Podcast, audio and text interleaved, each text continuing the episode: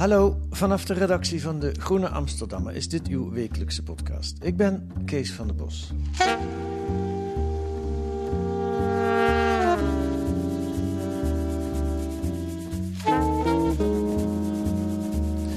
De gast van vandaag is een reiziger. Van Vietnam tot Kosovo. Van Istanbul tot Mosul in Irak. Afghanistan, Sudan. Ach, waar is die niet geweest? En soms deed hij dat als diplomaat. Hij is ook bankierszoon uit een bekende familie. Maar hij is vooral een waarnemer, een schrijver en een journalist. En een kenner van de islam. Over die islam, in Afghanistan met name, schrijft hij deze week in De Groene. En eerder schreef hij het prachtige boek De Tand van Mohammed. Robert van Landschot, welkom in de podcast. Dankjewel. We gaan het over de islam hebben. Hè? Ja. Ehm, waarom fascineert de islam jou zo? Ehm, de islam uh, fascineert me vooral omdat, uh, misschien vanuit mijn eigen achtergrond, ik ben niet, ik, ik ben katholiek van katholieke huizen, maar... Dat delen maar, maar, ja, jij komt uit Brabant? Ik kom uit Brabant, ja, Eindhoven. Ja. En uh, zelf eigenlijk voor mezelf nauwelijks bezig met het geloof. En je bent dat, katholiek dat, opgevoed? Ja, maar, maar ja, ja, ja. En, en tot, laten we zeggen, hè, inclusief uh, eerste heilige communie en zondags naar de kerk en zo. Maar dat, Was je ook misdienaar? Uh, nee, nee. Daar was ik wel een beetje jaloers op altijd, op, Ja. die, op die misdienaars. Oké. Um, maar um, uh, ik, ik zie gewoon het enorme verschil tussen hoe ik zelf tegenover religie sta en hoe serieuze moslims tegen religie staan. En dat is, dat is een, een, een waanzinnige afstand. En Ja. die fascinatie komt eigenlijk vooral doordat je dus binnen de, de moslimgemeenschap ontzettend veel mensen hebt die, die eigenlijk haast eh, gewoon helemaal in dat, in dat kader van die religie zitten. Alleen al door hè, dat, dat eh, vijf keer per dag het gebed. Ja. Um, vaak wordt dat, uh, ik kan zeggen, in het moderne Nederland, uh, mensen doen dat misschien ergens op een, in een hoek op een kantoor, maar ik kan zeggen, in de klassieke manier ga je vijf keer naar de moskee en ieder bezoek neemt pakweg 40 minuten. Ja. Je moet je, je, je moet naar de moskee lopen, je mag eigenlijk niet rijden, je moet formeel moet je lopen, je moet stevig doorlopen, dat hoort er ook bij. Het doelbewust naar die moskee lopen. Dus geen praatjes onderweg maken met, met kennissen. Mm -hmm. um, je hebt dan, uh, he, je, je, moet je ritueel wassen. Uh, daarna heb je, dat gebed zelf duurt niet zo heel erg lang meestal, maar, maar toch laten we zeggen vijf, zes, zeven minuten.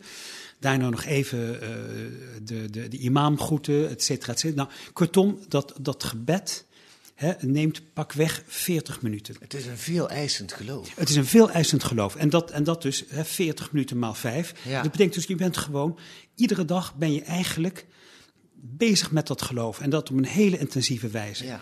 En, en uh, dat vanuit mijn eigen achtergrond ken ik dat eigenlijk niet. En daar gaat voor mij een enorme fascinatie van uit. Nee, wij katholieken zijn wat gemakkelijk in het geloof.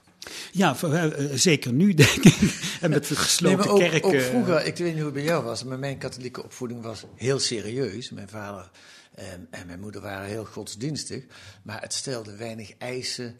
Uh, we zijn allemaal vrij gemakkelijk van ons geloof gevallen, bijvoorbeeld in ja, het gezin. Ja, ik weet ja. hoe dat bij jou is gegaan. Uh, bij mij ook. Ik, ik, heb eigenlijk niet eens met eigen kinderen geprobeerd uh, op, op het pad van, van het katholicisme te krijgen. En wat jij zojuist zei, hè, het rijke Roomse leven. Zo heb ik dat ervaren. De kassuifels, de, de, de kerstmis, uh, Ja. hè, heel magisch. uh, in de, in de Sint-Jan, in Den Bosch. Uh, ja, nee, fantastisch. Ja. Maar ook, ook met, met enorm veel speelsheid, die je dus bij, bij de islam bijna niet aantreft. En, en wat maakt nou dat jij als bankierszoon uit, uit Eindhoven en uit Brabant dat zo fascinerend vindt? Dus ik snap wat je bedoelt, die, die, die veel eisendheid van de islam. Ik, ik, het enige islamitisch land waar ik ooit geweest ben is Gambia. En wat mij daaraan opviel is dat ook bijna alle mensen met wie je in gesprek raakt, aan het eind van het gesprek proberen om je te overtuigen om ook tot de islam te gaan behoren. Ja. He, ze ja. hebben allemaal die roeping. Ja, absoluut. Uh, maar wat, wat is. Ik snap dat het je fascineert, maar probeer eens uit te leggen waarom. Waarom zou je dat zo fascineren? Ik, ik, uh, ik weet niet of ik aan die vraag heel veel extra kan toevoegen. Het, het, het is gewoon die, die, die enorme kloof waarop ik geloof beleef en waarop moslims uh, geloof beleven. En, en, en uh, het is iets wat, wat mij blijft verwonderen. Ik heb een, kennis. Ik, ik, ben vrij vaak in Burundi. En een kennis van mij, zijn vader, is, is een, een rijke koopman uit Gujarat. En die is nu dan ook dan in Burundi, want hij heeft een paar Koranscholen gesticht. En ik heb op een gegeven moment heb ik een tijdje gelogeerd in een van zijn Koranscholen. En als je dan bij die vader bent, dan, dan, dan zegt hij om de paar minuten Alhamdulillah.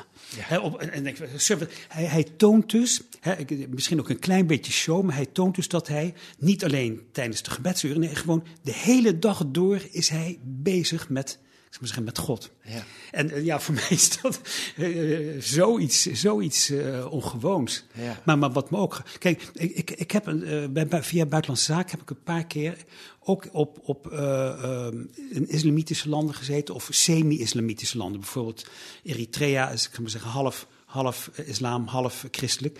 Ja, tijdens je diplomaten Ja, precies. Tijdens ja. Die, en, en in die tijd heb ik eigenlijk me nooit speciaal met, met de, heel erg diepgaand met de islam bezig gehouden. Ik, ik, ik accepteer het gewoon als een, zeg, een gegeven van dat land. En de, de, echte de, de, de echte hele diepe fascinatie is in feite pas gekomen bij dit boek, bij De Tand van de Profeet.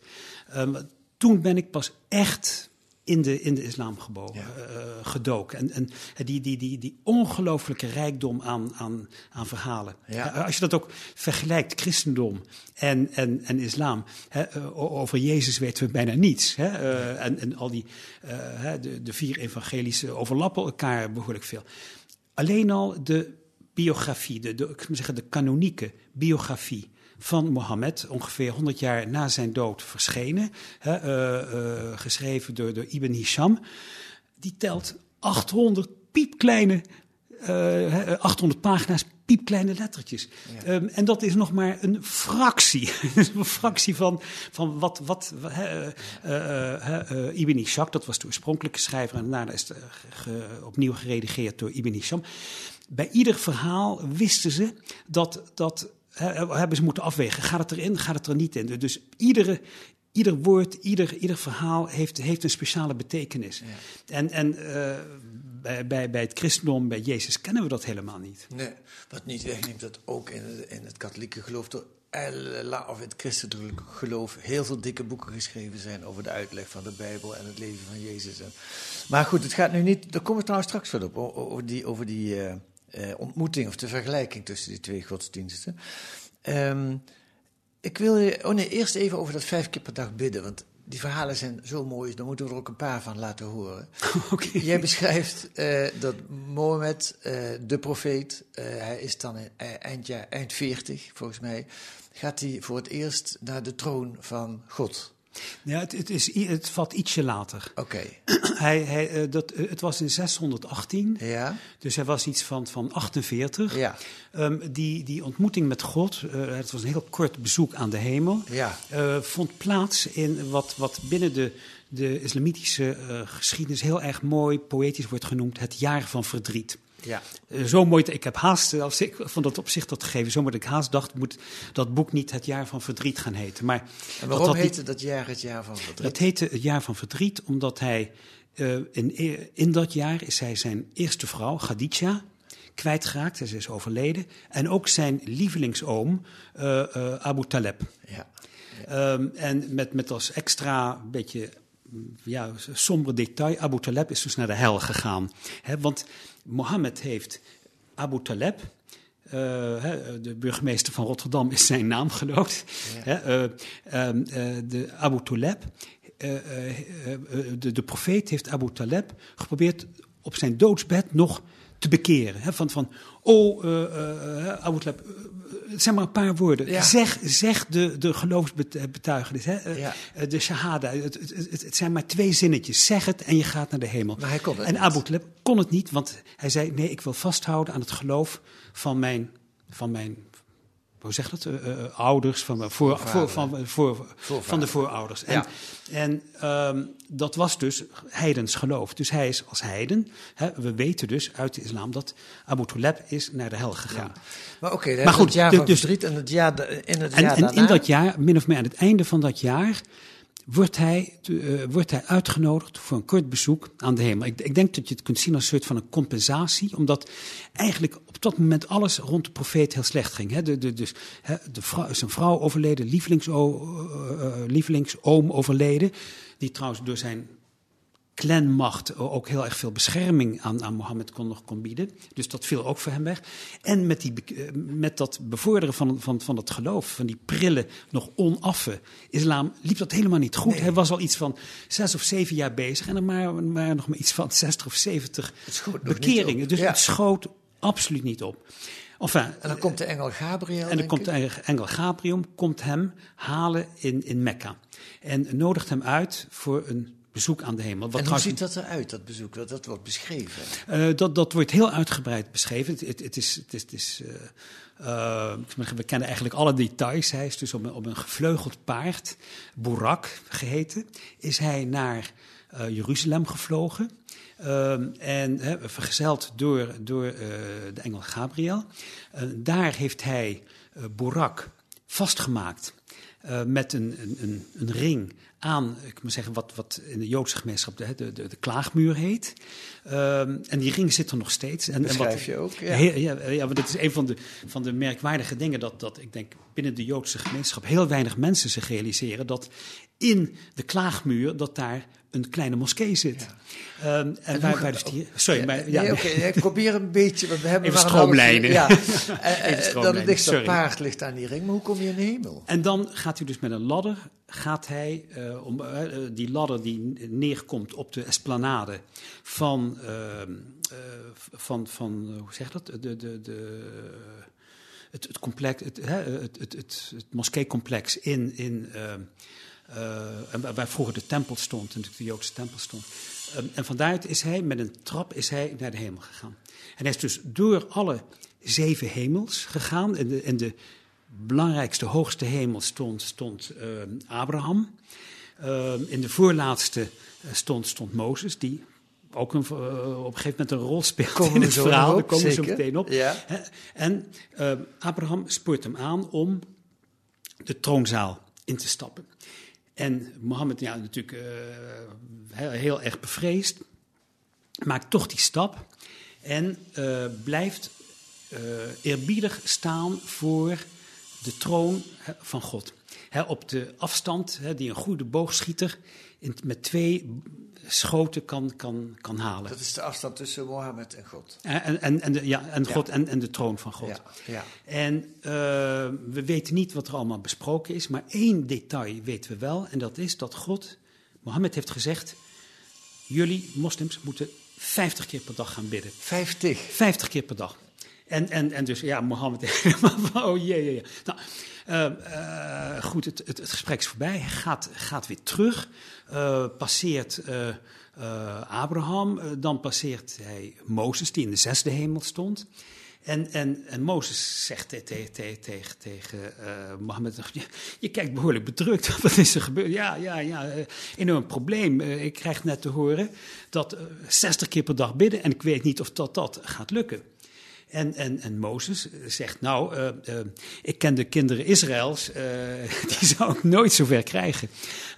weet je wat je moet doen? Jij moet terug, jij moet gaan chaggen, je moet dat gewoon zeggen, sorry, dit, dit gaat niet. En, en, en nou ja, Mohammed natuurlijk een beetje onrustig, maar hij gaat toch, hij gaat terug naar God en God staat hem toe naar 40, 40 gebeden per dag wordt het. Nou, even later passeert hij Mozes weer. Uh, Mozes weer. En die zegt, je moet terug. Nou, heen en weer, heen en weer. Uiteindelijk bereikt Mohammed dat het wordt teruggebracht naar vijf gebeden per dag. En, maar God heeft daar iets aan verbonden. Hij heeft ooit verklaard dat als je iets met veel overtuiging doet, dan telt het voor tien. Dus eigenlijk, hè, uh, God heeft gegeven, maar in zekere zin ook weer teruggenomen. Ja. Uh, en, en, dus kan maar zeggen, de, de origine van vijf keer bidden per dag, dit is dus als het ware het, het achtergrondverhaal. En dat is, daar ga ik het zo nog uitgebreider met je over hebben. Ik laat je eerst een fragment horen.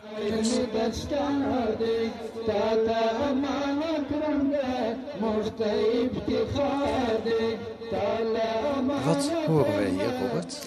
We horen hier iets, iets heel erg ongewoons, iets, heel erg, iets wat heel erg zeldzaam is. En dat is um, uh, de, de, de, zogenaamde tulbandceremonie. En waar zijn we? Uh, we zijn uh, dan in Kandahar.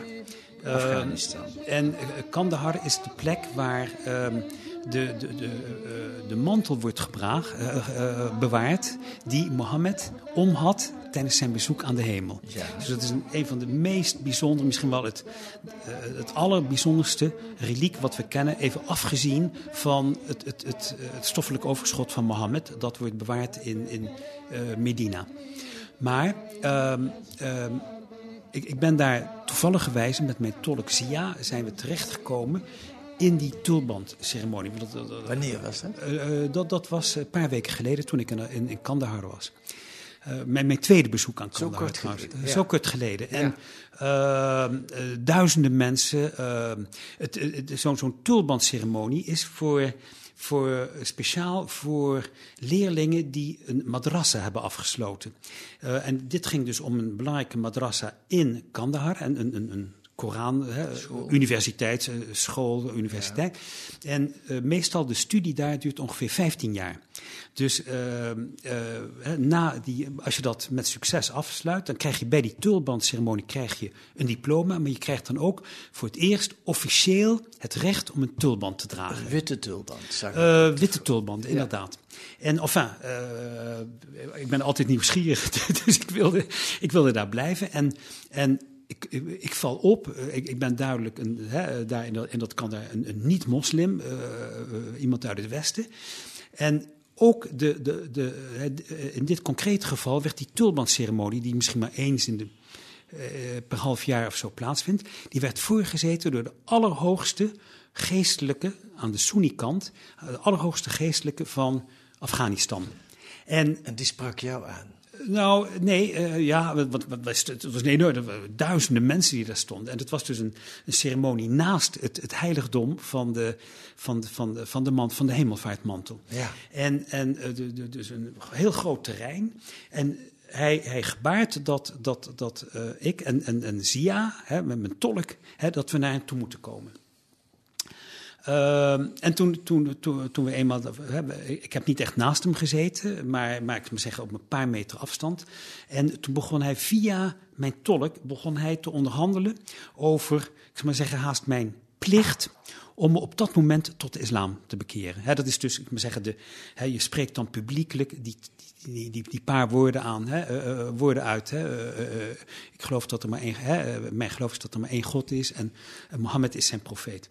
Ja. Um, en hij zei dus, luister eens, uh, uh, dit is het moment waarop je dit gaat doen. Dit is jouw kans. Uh, dit is mijn kans, maar, maar ook jouw plicht nu. dus dat, dat was heel erg pijnlijk, want nou ja... Was het intimiderend? De, het, het, was intimiderend, het was absoluut intimiderend. En hij zei dus, nou ja, nooit meer, nooit meer hè, zul je op zo'n mooi moment, op zo'n mooie plek, naast het, het, het, het paviljoen van de hemelvaartsmantel, de shahada kunnen uitspreken. Er zijn hier honderden islamgeleerden aanwezig. Er zijn, er zijn tientallen studenten die, die, die 15 jaar lang op die madras hebben gezeten. Er is een publiek van, van duizenden mensen. Dit is jouw moment om de shahada af te leggen. En ik, ik dus stel van, nou ja, ik ben er bijna toen, net, net nog even niet. En, en ja, dat wilde je eigenlijk niet, niet, niet accepteren. Dat, dat, was diplomatiek. Eigenlijk wil je helemaal niet. Of, of uh, heb je serieus... Feit, nou, nee, nou, weet je, soms, soms heb ik dat, zeg op mijn reizen, dat je, laten we zeggen, in een oude oude moskee terecht, of klein, ja, een, een, waar een soort van mystieke sfeer omheen hangt, waar je denkt van, misschien toch. Ik, ik, heb, ik heb nooit definitief gezegd, ik ga dat niet doen. Maar uh, uh, zoals ook uh, mijn, mijn ik moet zeggen, relatief relaxte houding ten aanzien van het, van het christendom, van het katholicisme. Ik weet gewoon, ik zou geen goede moslim zijn. Hè, het, het, het, als je die stap dan ook doet, hè, zeker als bekeerling, dan moet je ook full out. moet je, vijf keer per dag. En, vijf keer per dag. En, alle, alle, alle leefregels. Ja. Hè, je, je, moet, je moet je Uh, overal scheren, zou ik maar zeggen. Er zijn heel veel, heel veel, er zijn honderden regels waar je dan aan moet houden. Maar, maar, dat maar, dat is gewoon niet de aard van het beestje. Nee, nee, maar wat je net zei, dat vind ik wel interessant. Want dat, dat mystieke in, zo'n, in bepaalde moskeeën, of dat, dat, daar kan ik me iets bij voorstellen. Maar bijvoorbeeld zo'n verhaal als Mohammed die uh, met dat vliegende paard naar Jeruzalem gaat en dan de hemel betreedt. Uh, ik lees dat, ik vind het een prachtig verhaal, maar ik kan het niet serieus nemen. Jij wel? Um, nou, wat, wat het alleen al denk ik belangrijk maakt, is dat het voor, voor anderhalf miljard moslims gewoon waar is. Ja, ja, dat, dus, dus, dus, ja, dus dat, dat, dat maakt het, uh, dat is geloof. En dat, dat, dat, maakt dus dat al die verhalen uh, een enorm gewicht hebben. En ze zijn dus zeker belangrijk, maar kun jij het ook, ook maar enig moment serieus nemen dat die Mohammed echt een ontmoeting met God heeft gehad? Um, ik, halverwege, zou ik zeggen. Een beetje wel, een beetje niet. Het, ja? het, het, uh, um, ik, ik zal maar zeggen, dit is misschien een van de verhalen waarbij je misschien nogal wat vraagtekens uh, zet. Maar er zijn andere verhalen die ook ontzettend belangrijk zijn. En dan kom ik even terug op de titel van het boek, hè, De Tand van de Profeet. Ja. Ja. Um, is hij enorm aan zijn gebit, heeft hij enorme gebitsschade opgelopen ja. in Uhud. voor mij is dat maar zeg, eigenlijk een vaststaand feit. Ja, nee, dat is wat anders. Dat snap ik. Dat is ook een, een, een het boek van jou beschrijft, behalve al die mooie verhalen, ook het, het levensverhaal van Mohammed. En dat zijn natuurlijk ja, maar dat, die, die, die reis naar de hemel is ook een deel van, van het leven van de profeet. Het was misschien maar, wel zijn allerbelangrijkste, het allerbelangrijkste moment van zijn leven. Ja, die ontmoeting met ook, God. Ja, maar heb jij, heb jij serieus het idee dat dat echt gebeurd kan zijn? Uh, bijvoorbeeld dat bezoek aan de hemel. Nee, ik, ik, ik, ik zie dat meer als, als ja. uh, hoe zeg je dat, allegorisch of... of eh, parabel. Uh, parabel. en op zich schitterende verhalen die, die je ook, ook als je het, laten we zeggen, niet gelooft, nog steeds heel erg prachtig, de bekoring de bekoring blijft. Ja, ja, maar dat is een beetje zoals je de Griekse mythen en zagen uh, fantastisch kunt vinden, zonder dat je meteen in Zeus gaat geloven. Ja, ja. mooie parallel. um, maar wat er wel heel mooi is aan het geloof, tenminste wat mij aanspreekt, en ik hoor dat ook in jou, uh, wat je net zei, soms dan zit je in een sfeer of in een mystieke, uh, beetje mystiek aandoende sfeer. Nou, laat ik het anders zeggen dat, is, dat hoor ik van andere mensen, dat heb ik zelf ook ervaren. Met het wegvallen van het geloof vallen ook een heleboel rituelen weg. Ja. Mensen, het ja. geloof in die rituelen. Ja, absoluut. En het wegvallen, het geloof heb ik nooit gemist, maar het geloof in die rituelen wel. Ja, ja, ja. Herken je dat? Ja, dat herken ik. Dat herken ik. En dat is ook, daar zit ook het islamitische geloof, er zit elk geloof vol mee, denk ik, maar ook het islamitische geloof zit vol met die rituelen. Ja, ja, ja. Nee, het, het, het, is, het is islam is een soort van een totaalbelevenis. Ja. Hè? Zoals je totaal kunst kunt hebben, ja. uh, is. is uh, uh, als je serieus bent in de islam, dan, dan, dan bepaalt dat helemaal je leven. Het, het is, je gaat, laten we zeggen, als je serieus naar de islam overstapt, dan, dan kies je in feite voor ik zeg, het equivalent van een monnik in een klooster. Hè? Die ook echt de hele dag de, met, met, met dat geloof bezig is. En, nogmaals, dit is niet de aard van het beestje. Nee, nee. We gaan een stukje van zo'n ritueel horen.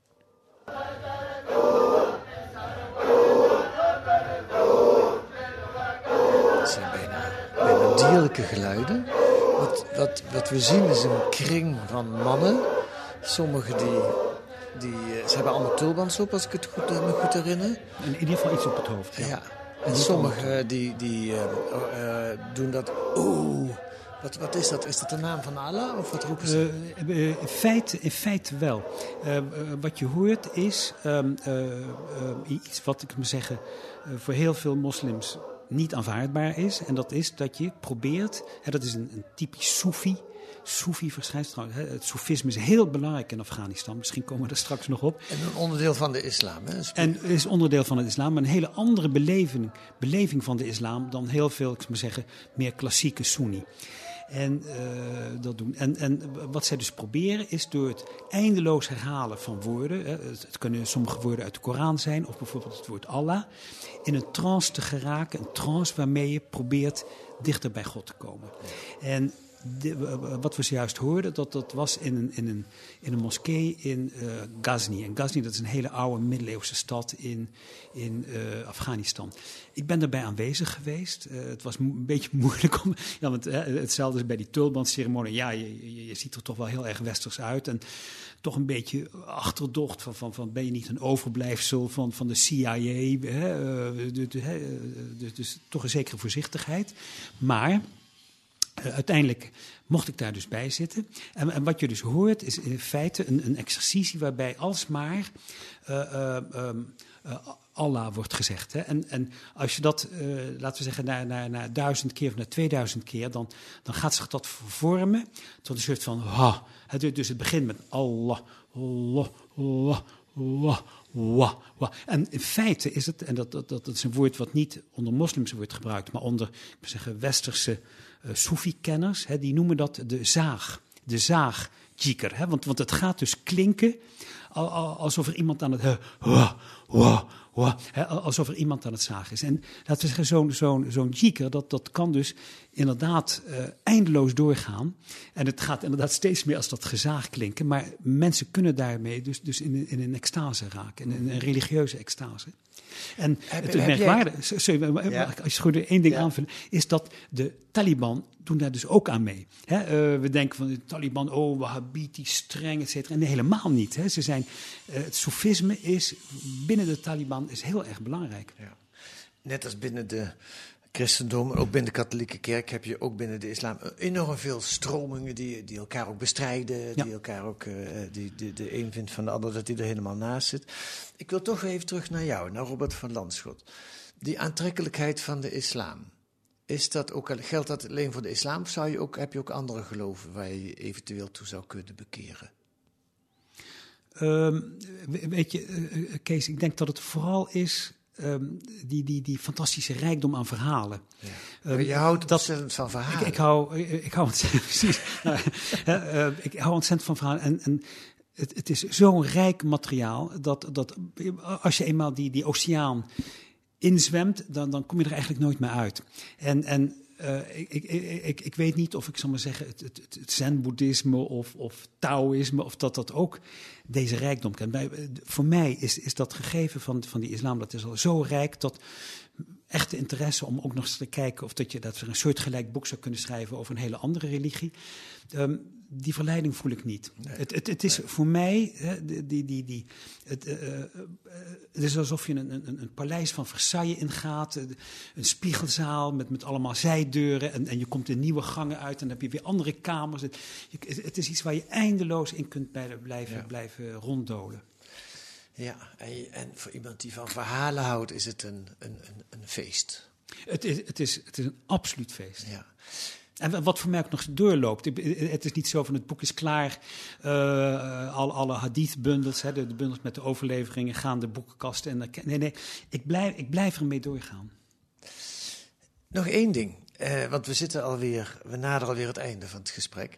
Um, je, ik, ik las ook ergens dat jij vindt, denkt, ziet dat het niet makkelijk zal zijn in het Westen, of laten we het bij Nederland houden, om het de islam te incorporeren naast het katholicisme of het christendom als een gewoon geloof. Dat die twee moeiteloos naast elkaar uh, gaan bestaan. Heb ik dat goed? Nou, nou ze hoeven niet per se als, in een conflict situatie te, te creëren, die twee geloven naast elkaar. Maar ik denk dat heel vaak, um, ik zou maar zeggen, in politieke debatten, ook in Nederland, aardige imams op de televisie heel erg benadrukken. Nou ja, goed, dat christendom, uh, islam, het is eigenlijk allemaal uh, hetzelfde geloof. Ja. Hè? Ja. Eén God.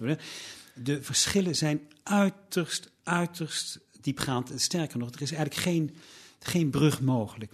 Hè? In de Koran, om een voorbeeld te geven. In de Koran zegt God, hè, het is het woord van God, dat christenen ernaast zitten. Jezus is nooit aan het kruis gestorven. Het is iemand anders die aan het kruis gestorven is.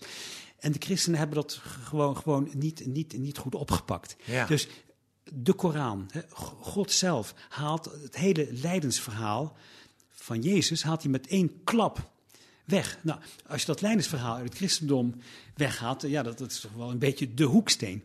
Uh, er zijn ook het gegeven dat, dat, dat, dat voor christenen is, is er het goddelijke karakter van, van Jezus. Voor moslims gaat het absoluut niet. Voor moslims is hij gewoon een profeet, Allah, Mohammed zelf of, of andere, Abraham, et cetera. Dus, dus dat zijn hele diepe verschillen. Um, ik, ik, ik eh, tegelijkertijd, hè, ik, ik, schrijf er ook over eh, in het boek, dat, hè, dus die enorme diepe verschillen die er bestaan. Maar dat is in zekere zin ook de, als het ware de redding geweest van de islam. Want wat weinig mensen zich realiseren, is dat er rond dat, dat kerngebied van, van, van de islam, hè, wat heet het, de Hijaz-provincie, dat daar een soort van een ijzeren ring omheen lag van, van, van, van, van christendom. niet, niet katholicisme, maar uh, Byzantijnse kerken, Oosterse kerken. En dat was allemaal heel erg assertief christendom. de Nestorianen, om een van die, van, die, van die kerken te noemen, dat zat al in in, in, in West-China. Dus, dus je had daar als het ware als een soort van een anomalie had je dat kleine gebied met zijn heidendom en daaromheen die, die ring van christendom.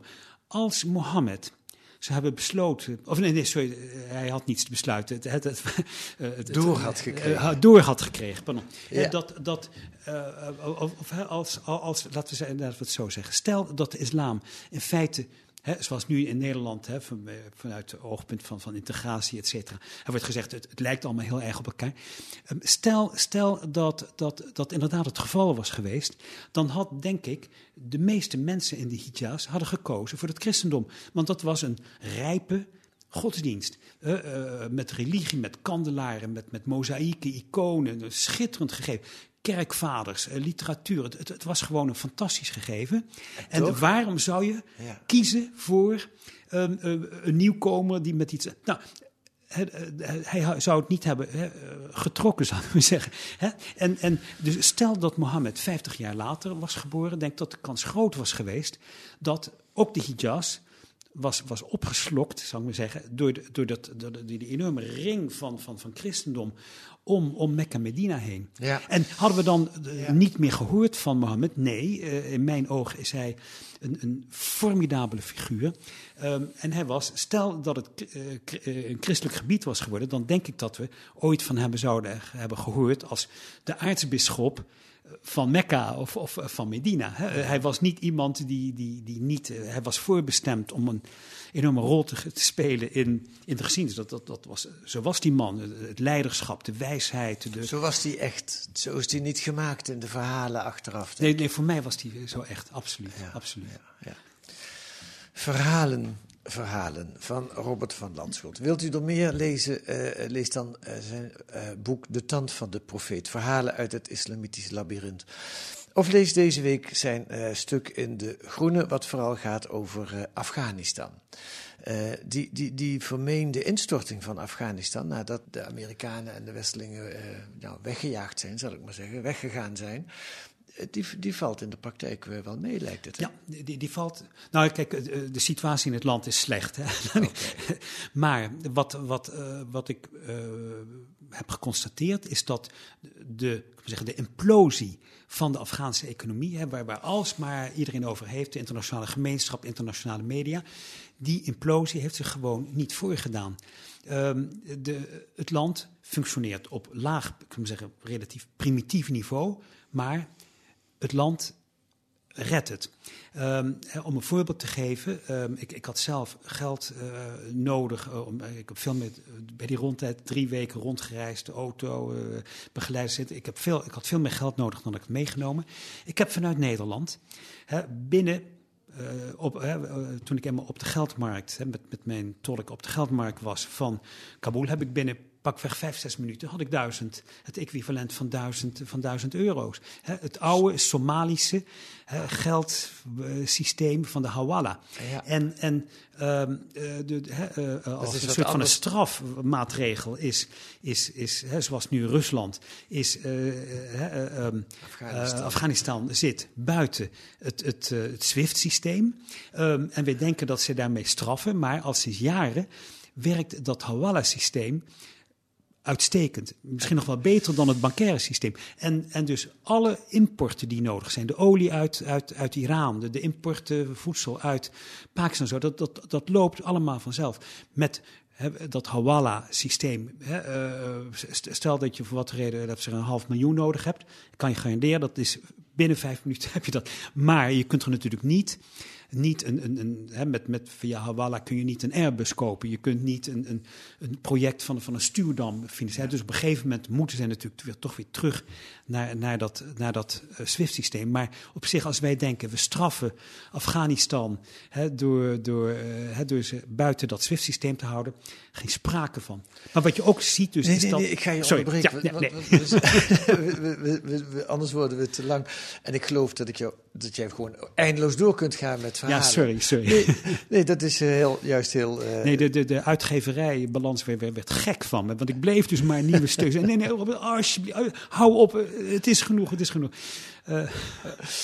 Eh, goed, nog één ding, Robert. We zijn, we zijn eigenlijk klaar, maar we zijn één, één, één belangrijk ding van jouw verhaal vergeten. En dat gaat ook over die mantel die Mohammed droeg bij dat bezoek aan, aan eh, het oneven getal, zoals je hem ook Ja, eens noemt in het boek, aan, aan de De Heer. Soefi-benaming. De Soefi-benaming. Eh, en die mantel die was in eh Kandahar. Daar zijn er twee van overigens, hè, maar één daarvan Ja. is in, in Kandahar, de andere is in Istanbul. Laten we het verder niet op het detail ingaan welke nou de echte mantel is en welke niet. Die mantel is niet zomaar een mantel, dat is echt een heel heilig reliquie in de islam, islamitisch geloof. Hè. En die eh, mantel heeft een rol gespeeld bij het leiderschap van Mullah Omar, Ja. de, le- de leider, inmiddels eh, gedode of overleden leider van eh, de Taliban. Ja. Hoe heeft dat een rol gespeeld? Ehm, kijk, de, de, de, de Taliban was in, in de omgeving van Kandahar al, al vrij machtig geworden. Dan praten we over het, eh, ehm, 1994. Maar echte grote uitbreidingen kwamen er niet.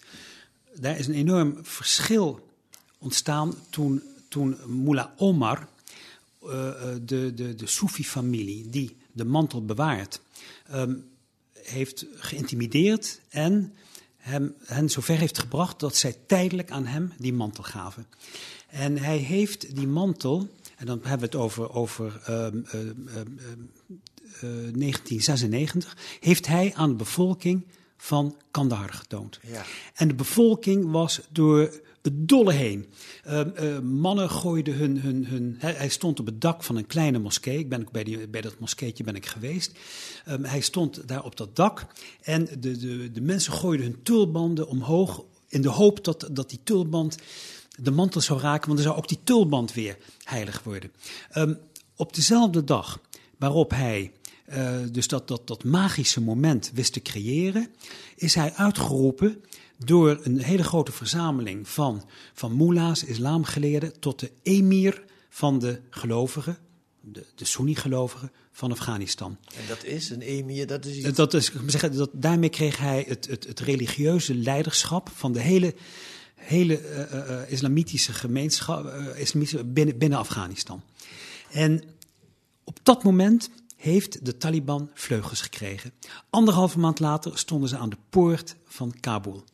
En ehm, eh, de, de, dus die, die mantel, dat, dat, dat dus dat was meer dan een religieuze gebeurtenis. Dat, dat heeft ook heel erg wereldse gevolgen gehad. Het, heeft- het, het, het is een in feite is dit een scharnierpunt geweest in de moderne geschiedenis van Afghanistan. Op dat moment kreeg de, de, de Taliban kregen vleugels. Opeens ging het helemaal naar de wind. En, en ehm, ehm, dat, daar, daar ben ik heel erg op ingegaan in mijn boek. En ook, hè, eh, eh, ik beschrijf mijn, mijn bezoek aan Kandahar eh, in vier jaar geleden. Waar, waar ik dus ook ooggetuigen heb gesproken die, die daarbij waren. eh. en en ik heb zelfs geprobeerd op het dakje van dat moskeetje te komen. Want ik wilde in feite, wilde ik precies op die plek staan waar eh Mullah Umar had gestaan. Om te kijken, hoe, hoe moet hij dat beleefd hebben? Ja. Enfin, dat is niet gelukt, ze hebben me daarvan van afgehouden. Ze nee, nee, sorry, die trap die loopt nou door een eh belendend personeel, we kunnen er niet op. Ik denk dat dat niet waar was. Ze wilden me gewoon niet op dat dak hebben, punt. Maar uh, bij mijn jongste bezoek, een paar weken geleden, aan Afghanistan, zit ik te praten met de directeur van het museum van, van, van Kabul. Een belangrijk museum, ook in de context van hoe gaat, het, hoe gaat de Taliban om met, met beeldenissen, met beelden, et cetera, et cetera. Dus voor mij was dat een heel interessant gesprek. En ik, ik breng ook die, die, die, die, die, die, die, situatie rond die mantel op. En hij zegt, um, Robert, realiseer je dat het feit dat, dat Omar die mantel heeft getoond, dat, dat heeft hem iets, iets, iets heiligs gegeven. Alleen iemand die zijn eigen heiligheid heeft, kan zoiets doen. En, en ja, ik kan maar zeggen, de, de, de schellen vielen me van de ogen. Dat, dat was opeens, dat, dat maakt het hele, dat hele beeld uh, wat ik probeerde in mijn hoofd te hebben van die oma, maakte dat opeens compleet. En toen ik terugkwam. Sorry, ja, ja, nee, nee, nee, zo zie je hoe, hoe, hoe, hoe geloofsverhalen of rituelen ook wereldse gevolgen. Ja, eh, waanzinnig politieke gevolgen heeft gehad. Want je hebt het ook voorgelegd aan een Nederlandse militair? Ja, ik, ik was dus in het verhaal in De Groene uh, schrijf ik dat ik veronderstel dat Nederland, wijder gezien de Westerse Alliantie, nooit de ware aard van Omar heeft bevat, dat, dat nooit heeft bekeken. Het, het was een soort van een, hè, uh, dat het een soort van tweedimensionale schurk was, maar die derde dimensie, wat, wat beweegt, wat beweegt die man? Waar, waar, waar komt die fanatieke aanhang binnen de Taliban vandaan? Allerlei van dat soort gegevens. En um, in De Groene heb ik dat als veronderstelling opgeschreven. Maar toen, toen de tekst al klaar was en ik dat het allemaal bij de druk lag. Ik heb contact gehad met Richard van, van Harskamp. Hij was een half jaar, dat was 2007, 2008, was hij de Nederlandse commandant in, uh, in Oeruzgan. En in die hoedanigheid had hij uiteraard met, met alle andere top-militair, westerse militairen in het land had hij intensief contact. Hij kreeg alle intelligence-rapporten, et cetera. En ik heb dus aan Richard gevraagd: Richard, kijk eens naar die passage in de Groene Amsterdam. Dit, dit is wat ik geschreven heb, die veronderstelling. Wat is jouw reactie erop? En hij zei: Het klopt, we hebben geen flauwe notie gehad. Hij zei, zelfs ikzelf had nog nooit gehoord van, die, van, dat, van dat magische moment waarop Mullah Omar die mantel heeft getoond. Dat, dat, dat, is ons totaal ontgaan. We wisten daar absoluut niet vanaf. En van dat heilige waren we al helemaal ons onbewust. Hij heeft ook gezegd, hè, zou dit uh, uh, serieuze wijziging in onze strategie in 2007 hebben geleid? Hij zei, nee, we zouden waarschijnlijk op dezelfde manier zijn opgetreden. Maar hè, je kunt nu zeggen, oké, als, als, als de Taliban verdwenen was, uh, was het misschien een leuk fait divers geweest voor de geschiedenis. Maar ze zijn aan de macht. Hè? En ik zeg niet dat dat niet doorgronden, dat niet kijken naar die derde dimensie van die Omar, dat dat de reden is dat nu de Taliban aan de macht is. Maar ik denk dat het wel één van de redenen is dat de Taliban nu aan de macht is. En dat hebben wij dus helemaal gemist. Wonderlijke verhalen die in de werkelijkheid, ja, wat is, wanneer is een verhaal eigenlijk in de werkelijkheid? Het verhaal zelf is ook werkelijk in het verhaal. Um, hoe is het moeilijk? Moet even dus om na te ja, denken. Ja, zo na te denken. Oké, die neem ik mee voor vanavond. Robert van Landschot, heel erg bedankt voor dit gesprek. Kees, dank je wel.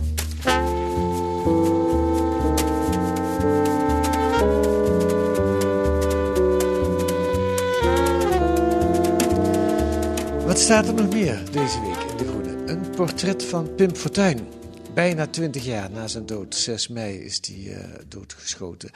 De gevestigde orde is nog steeds niet bekomen van zijn populistische kleinburgerlijke revolutie die hij veroorzaakte. Dat concludeert auteur Marcel Tenhoven. En een onderzoek naar de afhandeling van de toeslagenaffaire. De toeslagenaffaire. Die afhandeling vlot maar niet. Duizenden gedupeerden wachten nog op genoegdoening, omdat het systeem deze grote aantallen niet aan kan. En het einde is nog lang niet in zicht, vrezen advocaten. Dat kunt u lezen deze week in De Groene met een abonnement of een proefabonnement. Ga dan naar groene.nl. Dan krijgt u uitgelegd hoe u voor 15 euro 10 weken De Groene kunt krijgen. U kunt reageren via de mail op wat u hier gehoord heeft. Ons adres is podcast.groene.nl. U mag ons ook sterren geven in uw podcast-app, daar uh, worden wij weer blij van.